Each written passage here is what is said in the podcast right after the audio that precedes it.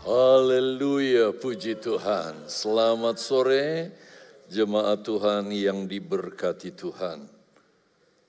Rasanya nggak mau berhenti memuji Tuhan ya. Sebab dalam pujian penyembahan ada hadirat Tuhan yang kita nikmati.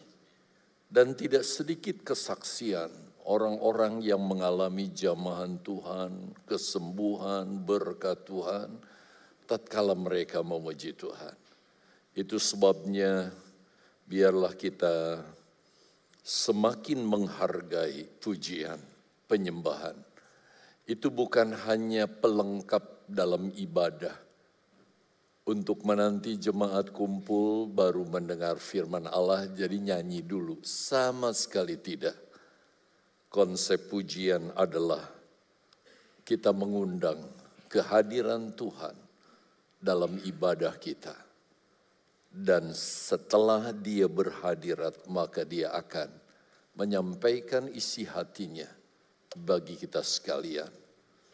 Selama beberapa menit ke depan, biarlah saudara fokus untuk mendengar firman Allah. Dan biarlah kita mengerti apa yang Tuhan maksudkan melalui firman Allah yang kita dengar sore ini lalu kita terapkan sepanjang hidup kita. Bukan sesudah mendengar terus lupa saudara, tapi benar-benar kita praktekkan dalam kehidupan kita. Nah, saya ingin menyampaikan kepada saudara lanjutan firman Allah mengenai tujuh jemaat yang kita bahas di dalam kitab Wahyu tepatnya di dalam Wahyu pasal yang kedua dan ketiga. Di pasal dua kita sudah bahas jemaat di Efesus, jemaat di Smyrna, jemaat Pergamus, dan yang terakhir jemaat Tiatira. Memasuki pasal yang ketiga, tepatnya di ayat 1 sampai 6, kita bahas jemaat berikutnya yaitu jemaat di Sardis. Dan inilah tema khotbah kita sore ini. Jemaat di Sardis. Kondisinya seperti apa? Hidup. Ada kegiatan, ada aktivitas, ada jemaat. Mungkin saja jemaatnya banyak. Tetapi dinilai di mata Tuhan mereka ternyata mati secara rohani. Semoga hal ini tidak terjadi dengan jemaat GPDI Mahanaim. Tetapi minimal kita ingin berkaca, melihat diri kita. Ketika poin demi poin dibahas, kita koreksi diri kita. Apakah keadaan kekristenan kita, kerohanian kita, tidak berbeda jauh dengan jemaat di Sardis. Dan kalau itu terjadi, kita mau minta Tuhan memulihkan kita.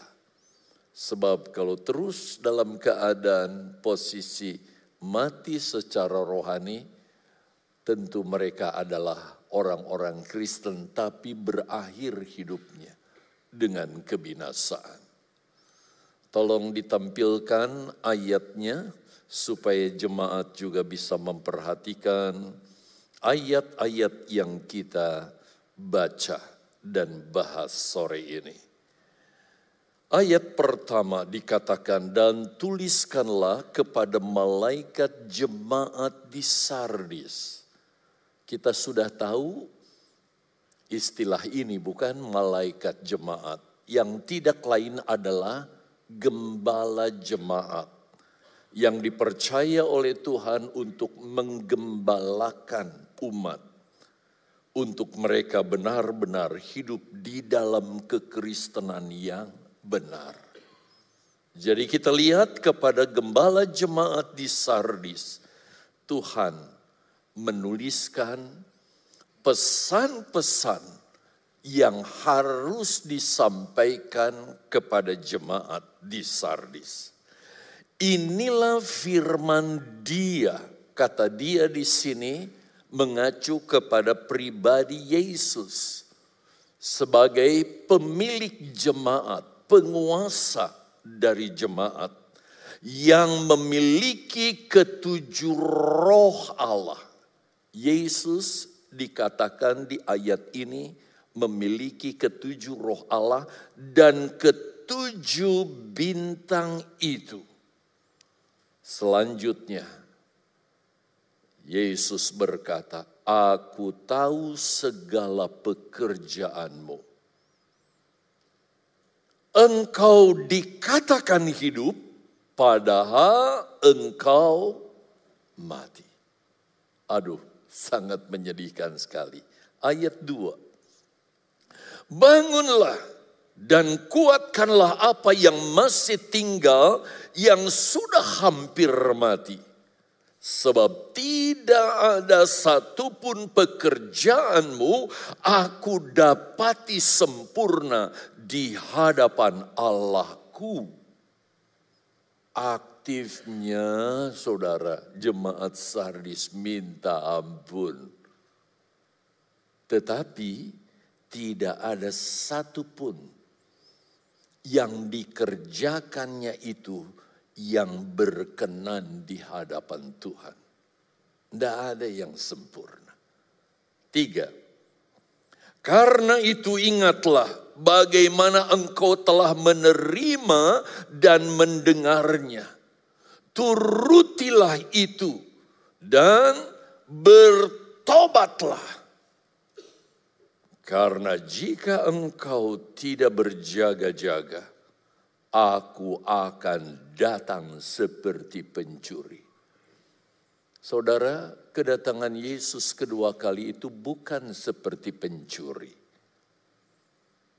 Tetapi kedatangannya seperti pencuri adalah kepada orang-orang Kristen yang kalau kondisi jemaatnya seperti di Sardis dan tidak diperbaiki, tidak dipulihkan.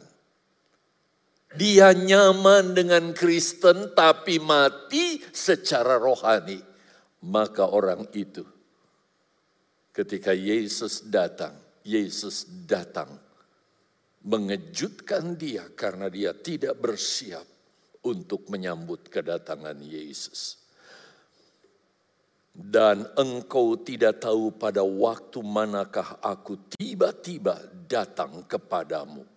Kedatangan Yesus menjadi satu kekejutan yang bukan menyelamatkan tapi membinasakan. Empat.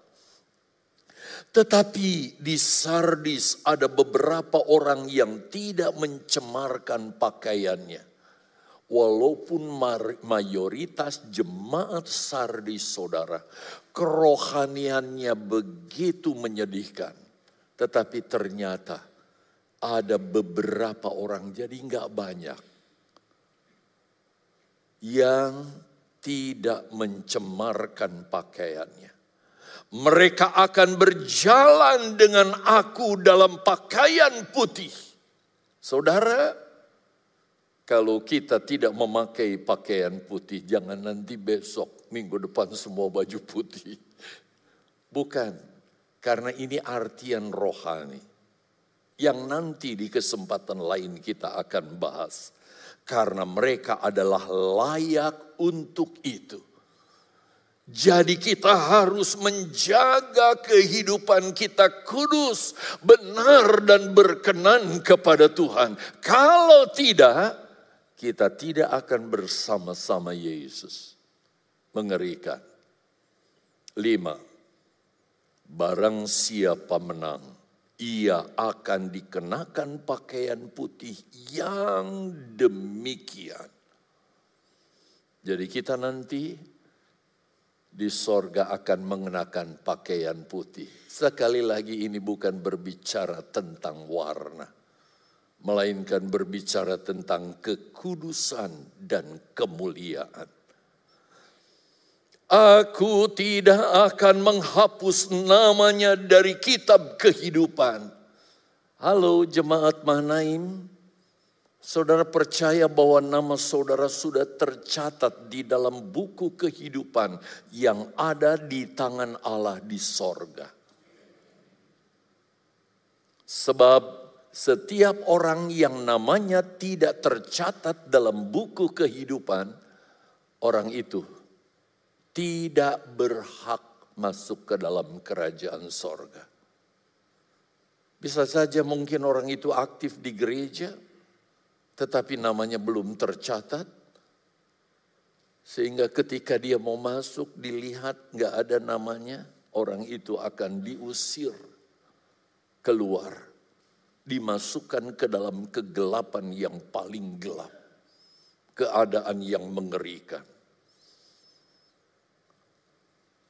Kapan mungkin saudara bertanya, saya bisa mencatat, mencatatkan namanya? Yaitu saat saudara percaya dengan kesungguhan dalam hati saudara kepada Yesus, Dia adalah Tuhan dan Juru Selamat kita. Lalu kita mengalami kelahiran yang baru, perubahan hidup yang lama sudah dikubur tidak kelihatan lagi. Kehidupan yang sekarang kita jalani adalah kehidupan yang baru karena pekerjaan firman Allah dan Roh Kudus.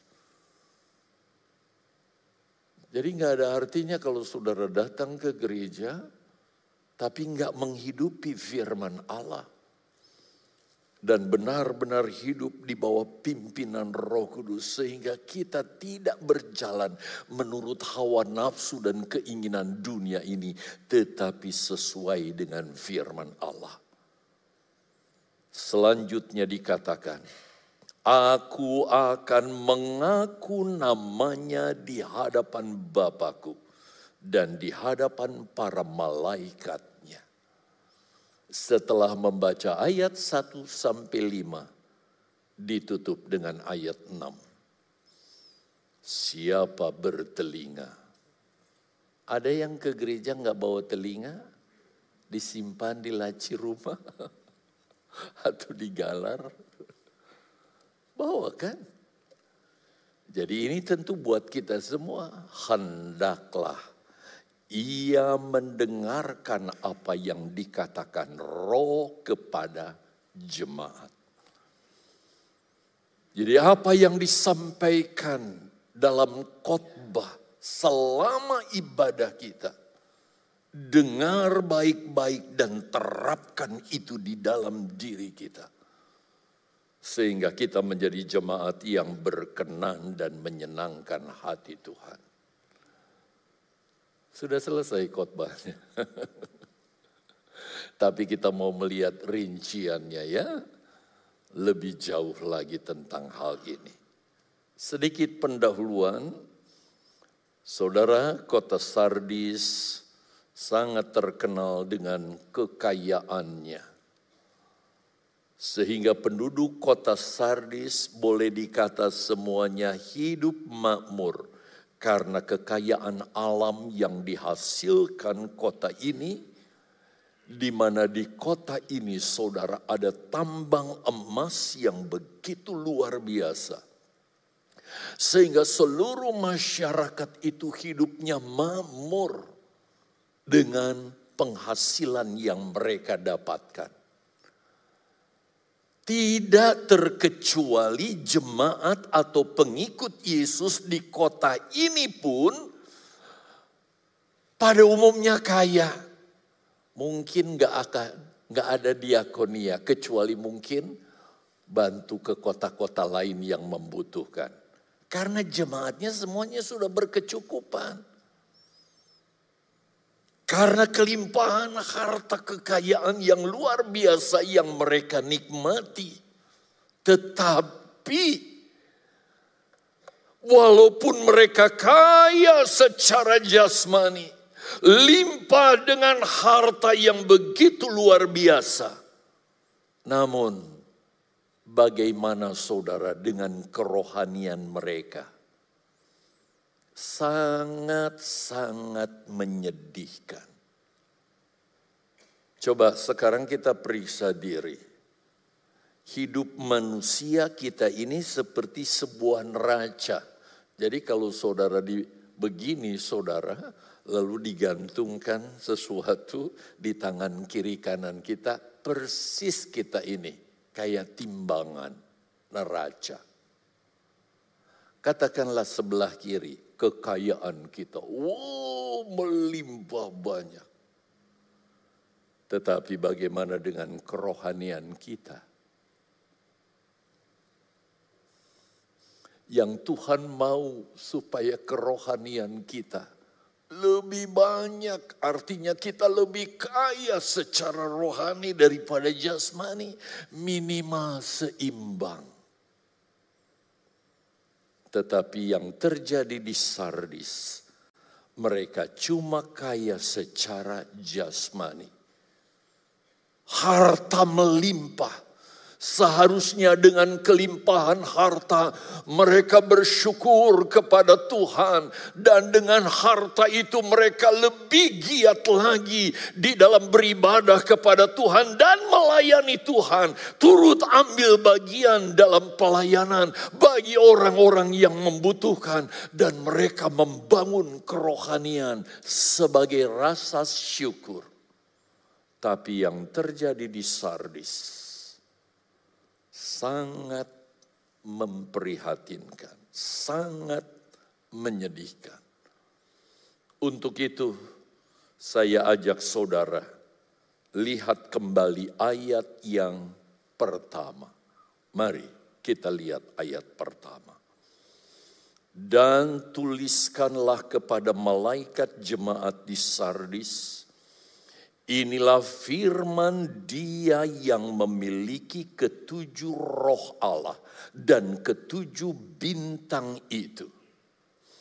Aku tahu segala pekerjaanmu Jemaat di Sardis melakukan aktivitas yang begitu rupa dan menurut pandangan Allah, Allah bisa tahu melihat apa yang mereka kerjakan. Tetapi ternyata kegiatan itu cuma sekedar performa.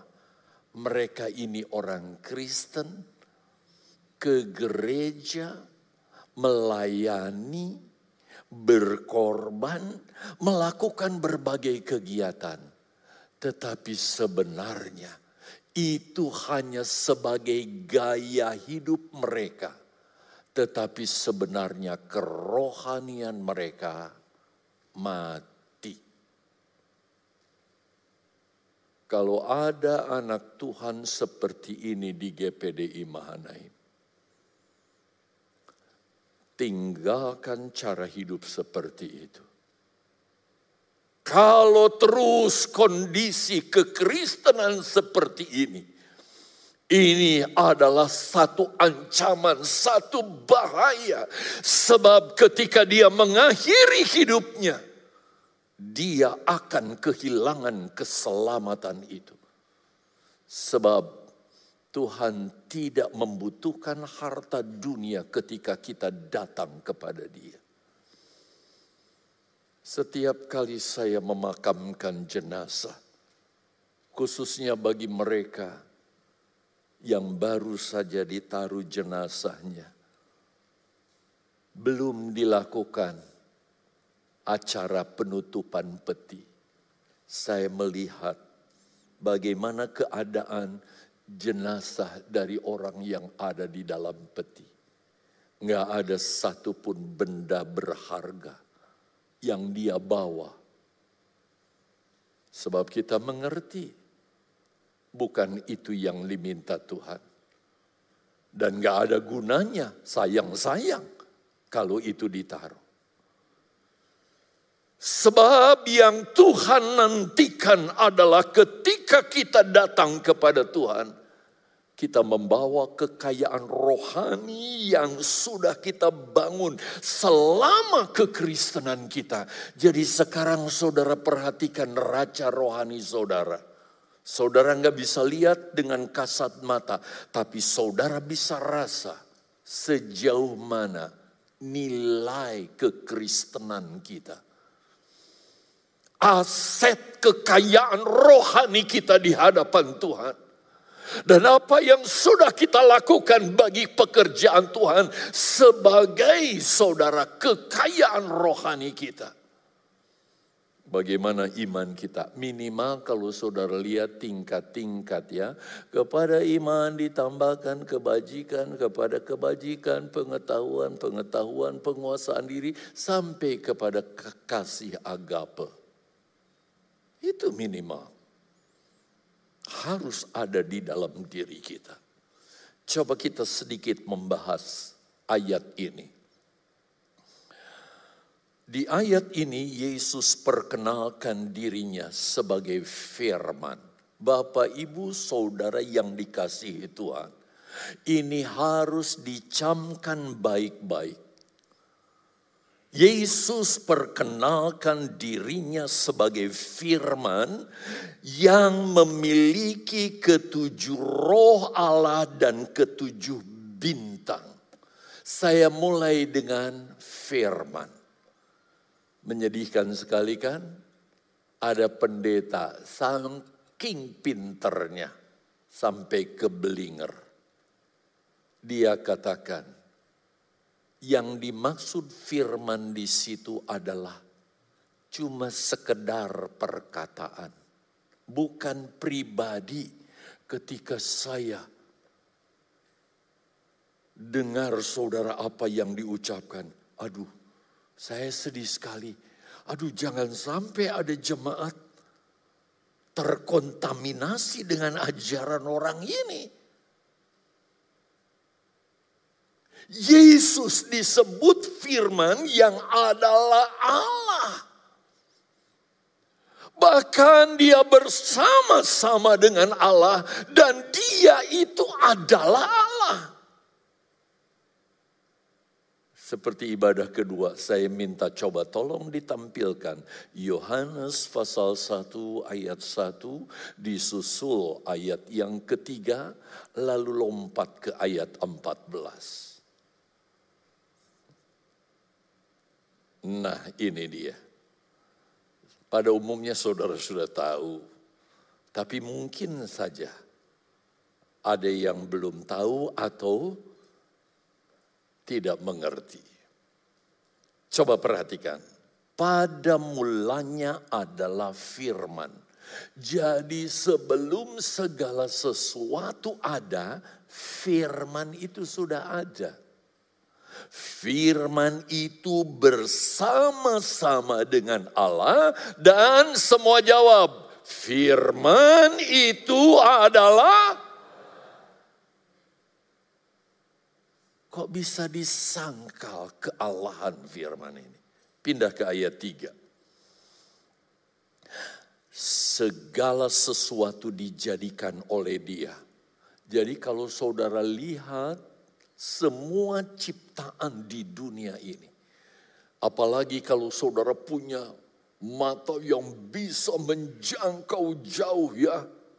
Hal-hal di ruang angkasa atau di balik ruang angkasa ini.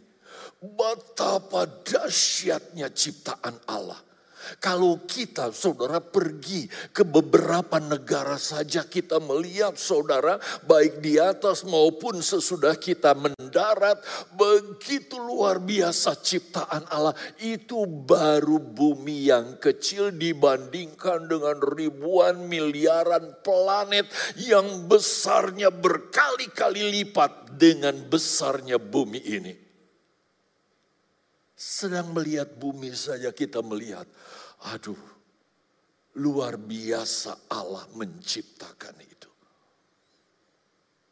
Diciptakan oleh firman. Dan saudara kalau tidak ada firman, tidak ada satupun yang jadi termasuk yang kita lihat sekarang ini. semuanya ada adalah karena firman. Berikutnya, karena Yesus harus menyelamatkan manusia. Kita lihat ke ayat 14. Firman itu telah menjadi manusia. Kenapa dia harus jadi manusia? Karena kalau dia nggak jadi manusia, Yesus nggak bisa mati untuk menebus saudara dan saya karena upah dosa itu adalah maut. Jadi untuk menebus saudara dosa kita harus ada yang mati bagi kita. Walaupun banyak orang sukarelawan di dunia ini mau mati untuk rekannya. Karena firman Allah pun mengatakan begitu. Tapi nggak ada satupun manusia yang memenuhi syarat. Kenapa? Orang berdosa nggak mungkin menebus orang berdosa. Harus yang nggak pernah berdosa. Itu sebabnya firman menjadi manusia dan diam di antara kita. Seolah-olah dia menjadi manusia biasa sama seperti kita. Dan telah melihat kemuliaannya. Kemuliaannya apa? Bagaimana dia dibangkitkan dan naik ke sorga membuktikan bahwa dia benar-benar Allah. Yaitu kemuliaan yang diberikan kepadanya sebagai anak tunggal Bapa, penuh kasih karunia dan kebenaran. Bapak, ibu, saudara yang dikasihi oleh Tuhan, kita lihat bahwa firman yang adalah Yesus itu, dia memiliki tujuh roh Allah dan tujuh bintang itu. Kata tujuh di ayat ini bukan berbicara tujuh dalam artian bilangan. Satu, dua, tiga, empat, lima, enam, tujuh. Tetapi tujuh yang dimaksud ini berbicara tentang kesempurnaan atau sempurna kemahasempurnaan Yesus. Karena dia Allah. Sehingga di dalam Yesus saudara tidak ada sedikit pun baik itu kekurangan kelemahan, cacat atau celah karena dia pribadi yang maha sempurna. Dialah Yesus itu. Karena Yesus adalah Allah yang sempurna. Saya ajak sekarang saudara pindah ke ayat 2. Yuk.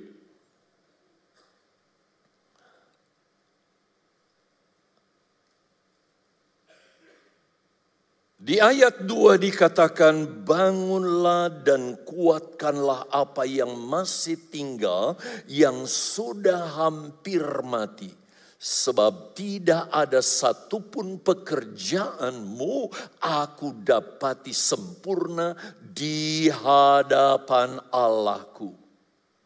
Bapak, ibu, saudara yang dikasihi oleh Tuhan.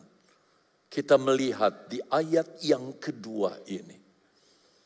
Yesus yang maha sempurna ini. Dia memberi petunjuk memberi nasihat, memberi anjuran kepada jemaat di Sardis. Termasuk pada malam hari ini kepada jemaat GPDI Mahanaim. Yesus juga memberi nasihat supaya jangan kondisi kekristenannya seperti jemaat di Sardis yang aktivitasnya bisa dilihat oleh masyarakat sekitar Kristen, keren, hebat. Tetapi sebenarnya seperti jemaat di Sardis, mati. Dan gak ada satupun yang berkenan dari apa yang dihasilkannya kepada Bapa. Dengan lain kata, jemaat di Sardis saudara Mereka bisa saja bersandiwara di depan masyarakat yang ada di kota Sardis. Saudara lihat catatannya di depan. Bersandiwara. Nunjukkan hari Minggu ke gereja. Aduh jangan sampai saudara kita ke gereja hanya untuk sekedar show buat tetangga kiri kanan. Saya Kristen, saya juga beribadah. Tapi sebenarnya ibadah kita nol di hadapan Tuhan. Kita melakukan apa-apa, tetapi itu hanya sekedar sandiwara. Bahwa mereka adalah pengikut Yesus, orang Kristen, saudara yang kelihatannya baik, suci, taat, berkenan kepada Tuhan, tetapi di dalam pandangan Yesus, jemaat Tuhan di Sardis. Jangan jemaat Tuhan di Mahanaim, semoga tidak.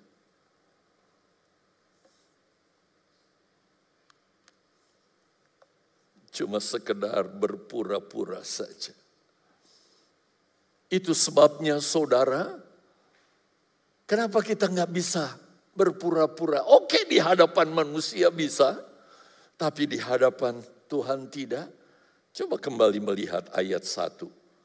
Di ayat 1 saudara, Yesus sudah perkenalkan bahwa dirinya adalah Allah yang sempurna dalam segala perkara. Jadi nggak bisa dibohongi. Kita bisa membohongi suami kita. Suami bisa membohongi istri. Satu dengan yang lain bisa saling membohongi. Tetapi kita nggak mungkin bisa membohongi Tuhan. Saudara mau sembunyikan dan taruh di mana pun yang namanya kejahatan yang sudah kita lakukan di depan Yesus itu nyata dan jelas. Kita nggak bisa bersandiwara di depan Yesus. Tidak mungkin kita bisa membohongi atau mendusta Yesus. Karena apa pun yang kita buat, semuanya nyata dan terbuka di hadapan Yesus. Itu sebabnya firman Allah berkata, coba kita lihat firman Allahnya.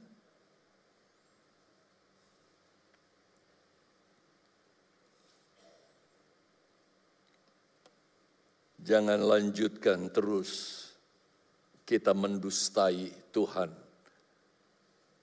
Seperti kita bersandiwara kepada manusia. Apa kata ayat ini? Siapa menyembunyikan pelanggarannya tidak akan beruntung.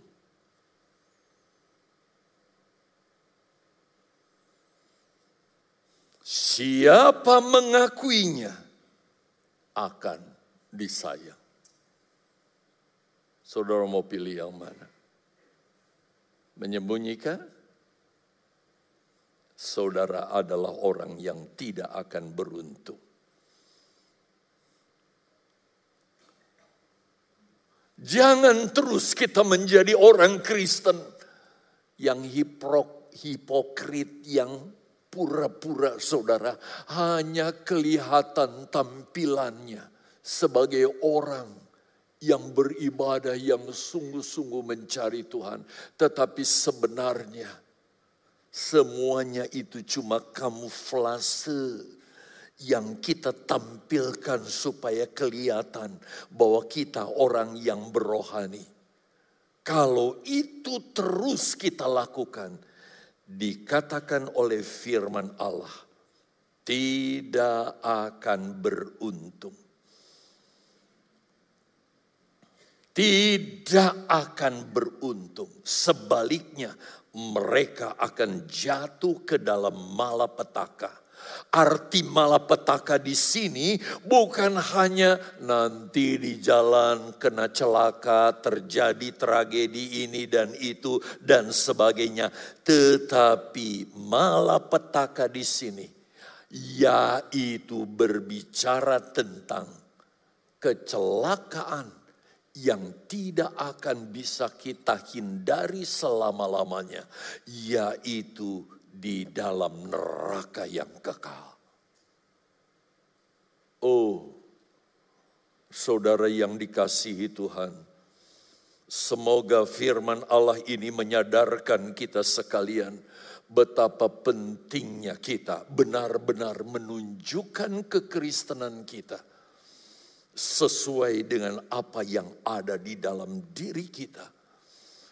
Di mana Tuhan memperbaharui kita hari ke sehari sehingga terlihat saudara progres kekristenannya yang luar biasa itu yang benar-benar menyenangkan Tuhan. Jangan sampai seperti ketika Tuhan berhadapan dengan jemaat Sardis, Tuhan dengan terang-terangan berkata, tidak aku dapati dari kamu perbuatan-perbuatanmu yang benar-benar menyenangkan Tuhan, yang menyenangkan Allah. Sebab itu saudara, Yesus kita adalah Yesus yang tidak menghendaki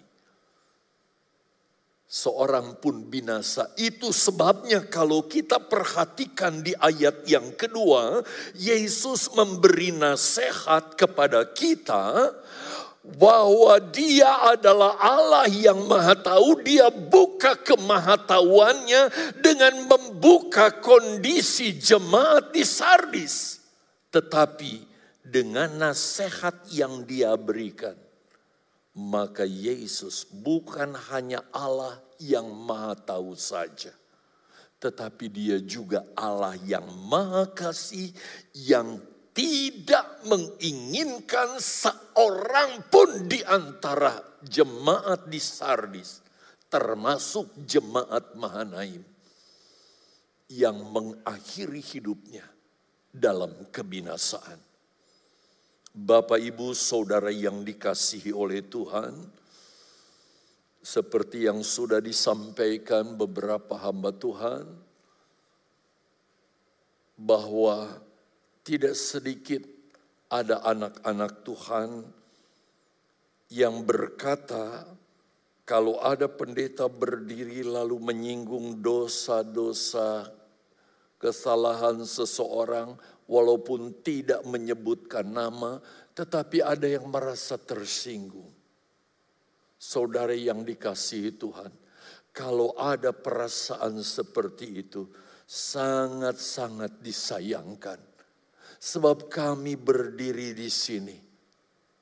Sama sekali bukan bertujuan untuk mempermalukan seseorang, menjelekkan seseorang tetapi firman Allah dibuka tentang keburukan akibat dosa dan kejahatan apa pun itu bentuknya. Satu hal kerinduan kami. Jangan ada jemaat GPDI Mahanaim labelnya Kristen, aktivis, tetapi berakhirnya nanti di neraka. Karena apa? Sandiwara tetapi kita mau dipulihkan. Itu sebabnya kita mau ikuti apa yang dinasehatkan Tuhan kepada kita.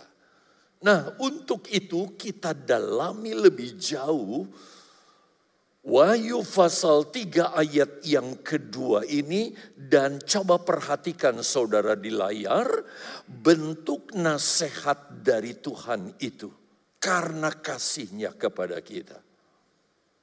Perhatikan nasihat Yesus kepada jemaat Tuhan yang ada di Saris. Kemahatawannya bukan untuk mempermalukan. Kemahatawannya kemudian dia beberkan keadaan jemaat di Saris supaya mereka pulih dan mereka tidak binasa tapi diselamatkan. Apa nasihatnya? Bangunlah dan kuatkanlah apa yang masih tinggal, yang sudah ada, apa yang masih tinggal, yang sudah hampir mati. Saudara, Saya nggak tahu saudara. Apa yang dialami jemaat di Sardis dengan keadaan di mana mereka disuruh menguatkan apa yang masih tinggal. Yang kondisinya sudah hampir mati.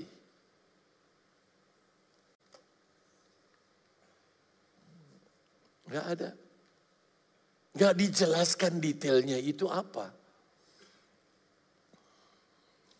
Dari nasihat ini, kita bisa simpulkan walaupun kerohanian jemaat Tuhan di Sardis sudah berada pada titik nadir.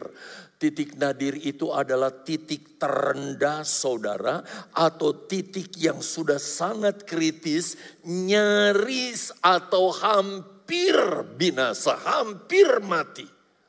Tetapi karena kasih Yesus, Yesus tidak mau jemaat di Sardis sampai berakhir dengan kebinasaan mati. Dalam kondisi kris, krisis itulah Yesus anjurkan, kuatkan, pertahankan, jangan biarkan mati.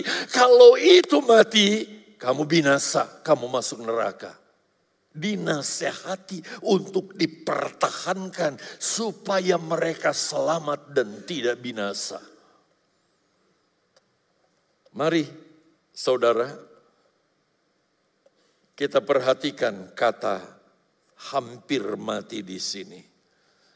Sekali lagi saya terus terang, saya tidak tahu detailnya apa yang dimaksud hampir mati di sini yang dialami oleh jemaat di Sardis. Dan saya berharap jangan sampai ada di jemaat Mahanaim yang mengalami keadaan yang sama dengan dialami oleh jemaat di Sardis. Perhatikan saudara, kita perhatikan dari nasihat atau saran Yesus yang Yesus sampaikan kepada jemaat di Sardis ini untuk hal itu dipertahankan. Bahkan nasihat itu dikatakan bangunlah dan kuatkanlah yang masih tinggal yang hampir mati. Sebab tidak satu pun pekerjaanmu aku dapati sempurna di hadapan Allahku. Dinasehati begitu rupa. Bangun katanya. Apakah ada di antara kita. Kalau berbicara tentang iman, iman dan kerohaniannya sudah merosot sampai pada titik nadir. Kalau seperti orang yang sudah dalam keadaan sakit, sudah hampir nggak sadarkan diri, sampai berhenti sama sekali, lalu dia tidak lagi melakukan aktivitas, dan berangkat alias jadi almarhum atau almarhumah.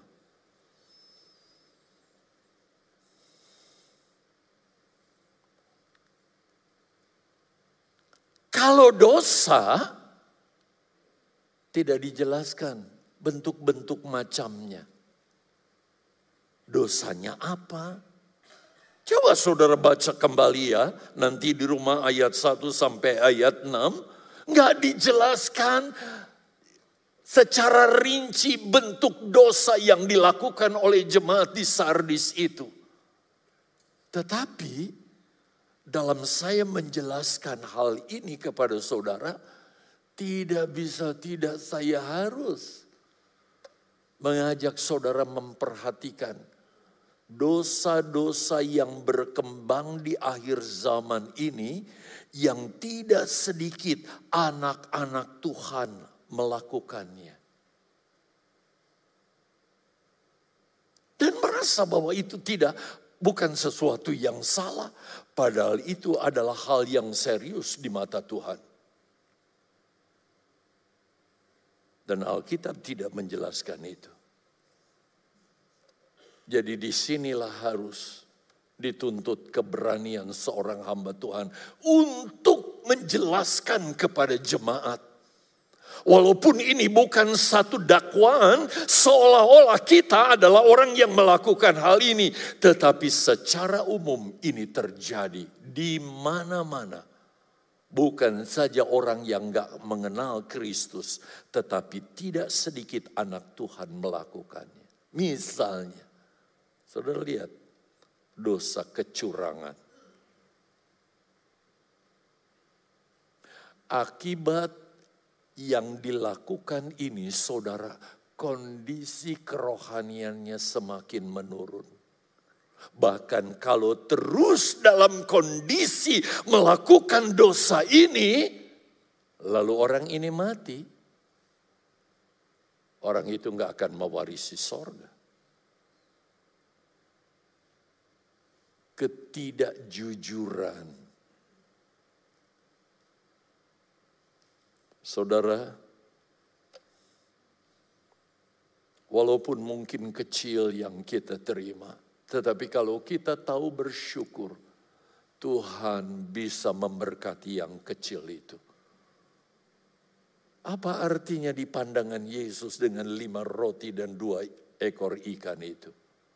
Tetapi dengan ketulusan, Andreas berkata, Yesus, ada makanan. Tetapi apa artinya ini? Ketika Yesus terima, lima ribu hanya laki-laki. Perutnya kenyang.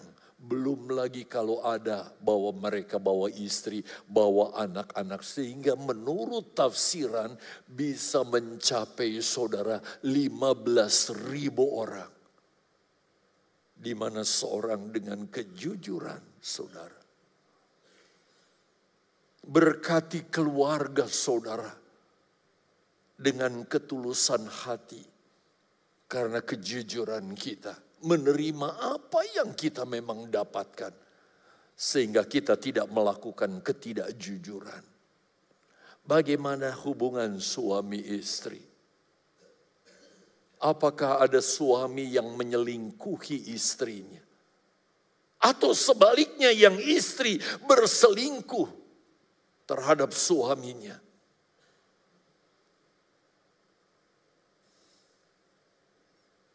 Kalau ini terus dilanjutkan saudara dan tidak ada pemulihan, tidak ada pertobatan.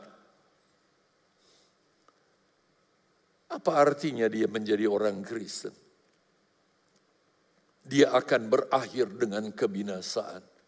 Tentu sangat menyedihkan kalau keadaan ini terus dibiarkan.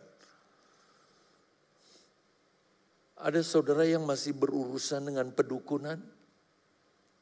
Oh saya Kristen, saya hafal Alkitab, baca Alkitab. Tetapi saudara, Ketika saudara menghadapi hal-hal tertentu, saudara datang ke tempat-tempat tertentu, lalu saudara melakukan zina rohani, karena ini sama dengan perzinahan rohani.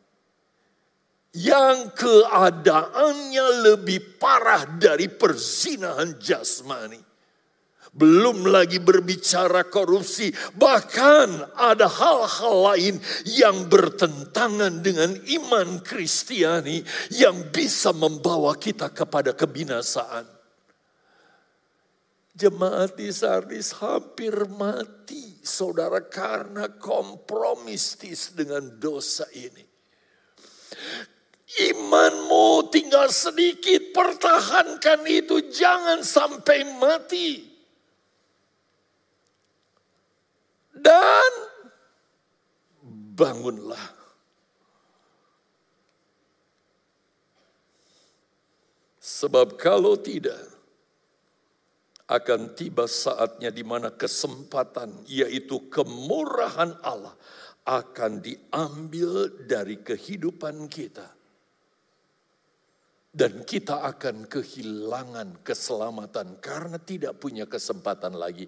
Karena kita saudara sia-siakan kesempatan yang Tuhan beri. Saudara, ada dua kesempatan yang tidak boleh disia-siakan, yaitu kesempatan yang melekat di dalam diri kita berkaitan dengan umur kita.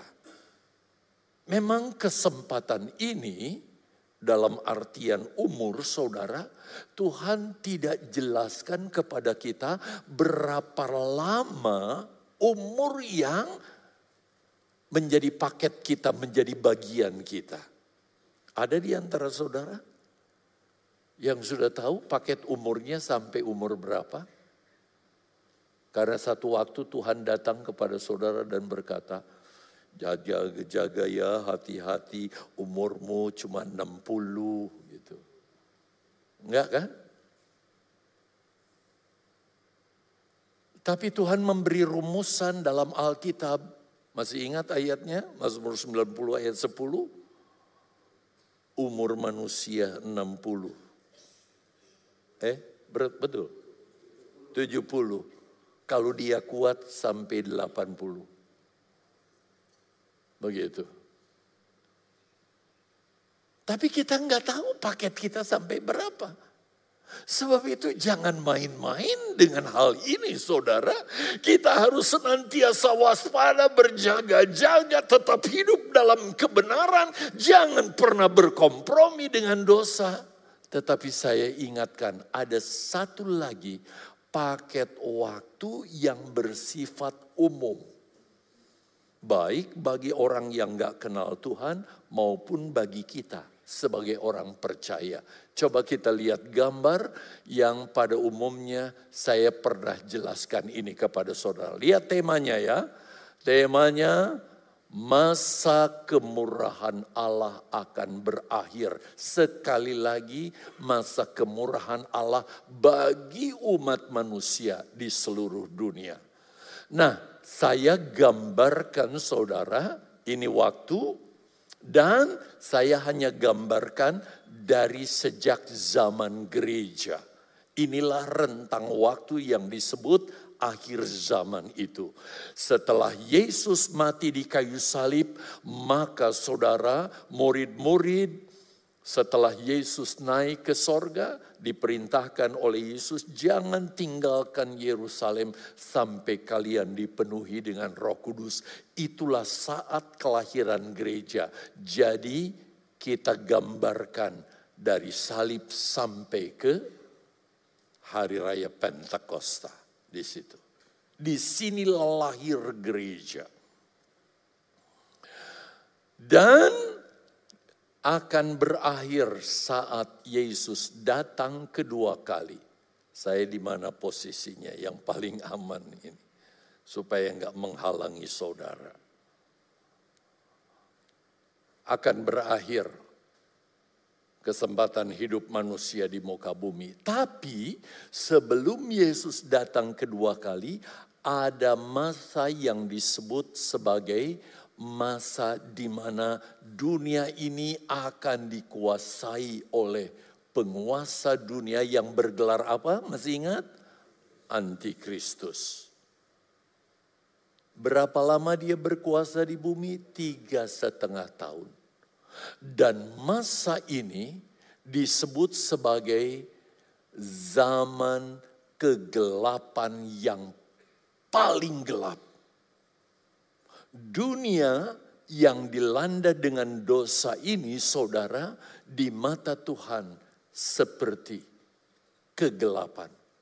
Tetapi di masa antikris berkuasa di bumi, dia menjadikan dunia seperti kegelapan yang paling gelap. Berikut, kira-kira saya tempatkan posisi kehidupan umat manusia 2023 yang hanya tinggal tiga bulan berikut hari ini, tiga bulan lagi kan? Kita akan masuk 2024. Posisi di sini. Berarti kesempatan kita untuk hidup saudara menikmati kemurahan Tuhan karena pengampunannya masih disediakan bagi kita adalah rentang waktu Klik satu kali. Oh rupanya. Berarti hanya tinggal berapa? Kita udah sangat pendek. Kalau di sini saudara sudah tidak ada lagi. Jadi kalau kita nggak masuk bagian gereja sempurna, untuk selamat bagi orang-orang yang percaya kepada Yesus, tidak ada jalan lain. Dia harus siap untuk mati syahid karena mempertahankan iman. Jadi kesempatan untuk kita pulih saudara, waktunya akan pendek. Bagi orang di luar Kristus, nggak ada kesempatan lagi di sini untuk selamat karena kemurahan Allah sudah diangkat. Itu sebabnya Yesus ingatkan jemaat di Sardis, pertahankan yang ada padamu, jangan sampai mati. Lalu dinasehati selanjutnya, apa saudara? Mari kita perhatikan. Kuatkan apa yang masih tinggal yang hampir mati jadi kalau masih ada iman, ada pengharapan saya nggak mau masuk neraka. Sekarang ini juga kita bangun, tinggalkan itu. Tinggalkan semua yang salah itu. Mulailah dengan kehidupan yang sungguh-sungguh di dalam pengiringan kita kepada Tuhan. Karena kita akan menyesal untuk selama-lamanya kalau kita sia-siakan kesempatan ini. Jadi nasihat kepada jemaat di Sardis ini benar-benar satu nasihat yang sangat berharga. Kalau mereka nggak camkan baik-baik, kalau jemaat mana yang nggak camkan baik-baik, hanya penyesalan. Penyesalannya bukan sehari, dua hari, setahun, dua tahun, tapi selama-lamanya. Coba kalau saya bertobat, saya nggak akan ada di sini, tapi kita akan tetap ada di dalam api neraka yang dipenuhi dengan api dan belerang begitu rupa. Kita menyesal, tapi kita nggak akan ada lagi kesempatan untuk mentas, untuk keluar. Sekarang inilah masanya. Kita gunakan baik-baik hal ini untuk hidup berkenan kepada Tuhan. Sebagai penutup saudara, untuk menggambarkan orang yang bangkit lalu bertindak, saya terus langsung terinspirasi kisah yang dicatat dalam Lukas 15 ayat yang ke-11 sampai 32 yaitu kisah anak terhilang. Masih ingat semua kisahnya? Dia mendapat harta dari papanya yang begitu banyak sebagai warisannya. Seharusnya kalau dia sayang kepada papanya dan ingin mengembangkan kekayaan papanya, Pak, pakai saja ini untuk modal Yuk saya juga turut bekerja bersama papa memajukan perusahaan itu. Itu anak yang cengli kan? Eh cengli. Bahasa Yunani itu saudara. Keren kan? Tapi enggak. Dia memuaskan hawa nafsunya. Dia pergi ke kota yang lain, dia ajak teman-temannya untuk berpesta pora, berpoya-poya. Bahkan dengan jujur Alkitab berkata, dia main dengan pelacur-pelacur. Dia benar-benar menghamburkan saudara kekayaan ilahinya hanya untuk kesenangan daging. Sampai satu waktu paceklik datang saat kelaparan. Semua kekayaannya sudah habis, sedangkan dia harus makan. Gak ada pekerjaan yang memadai yang bisa dia kerjakan. Kecuali kasih makan babi. Lalu dia pun mengerjakan itu dalam kondisi kelaparan saudara. Dia berpikir di tempatku dulu dengan papaku aku nggak kayak begini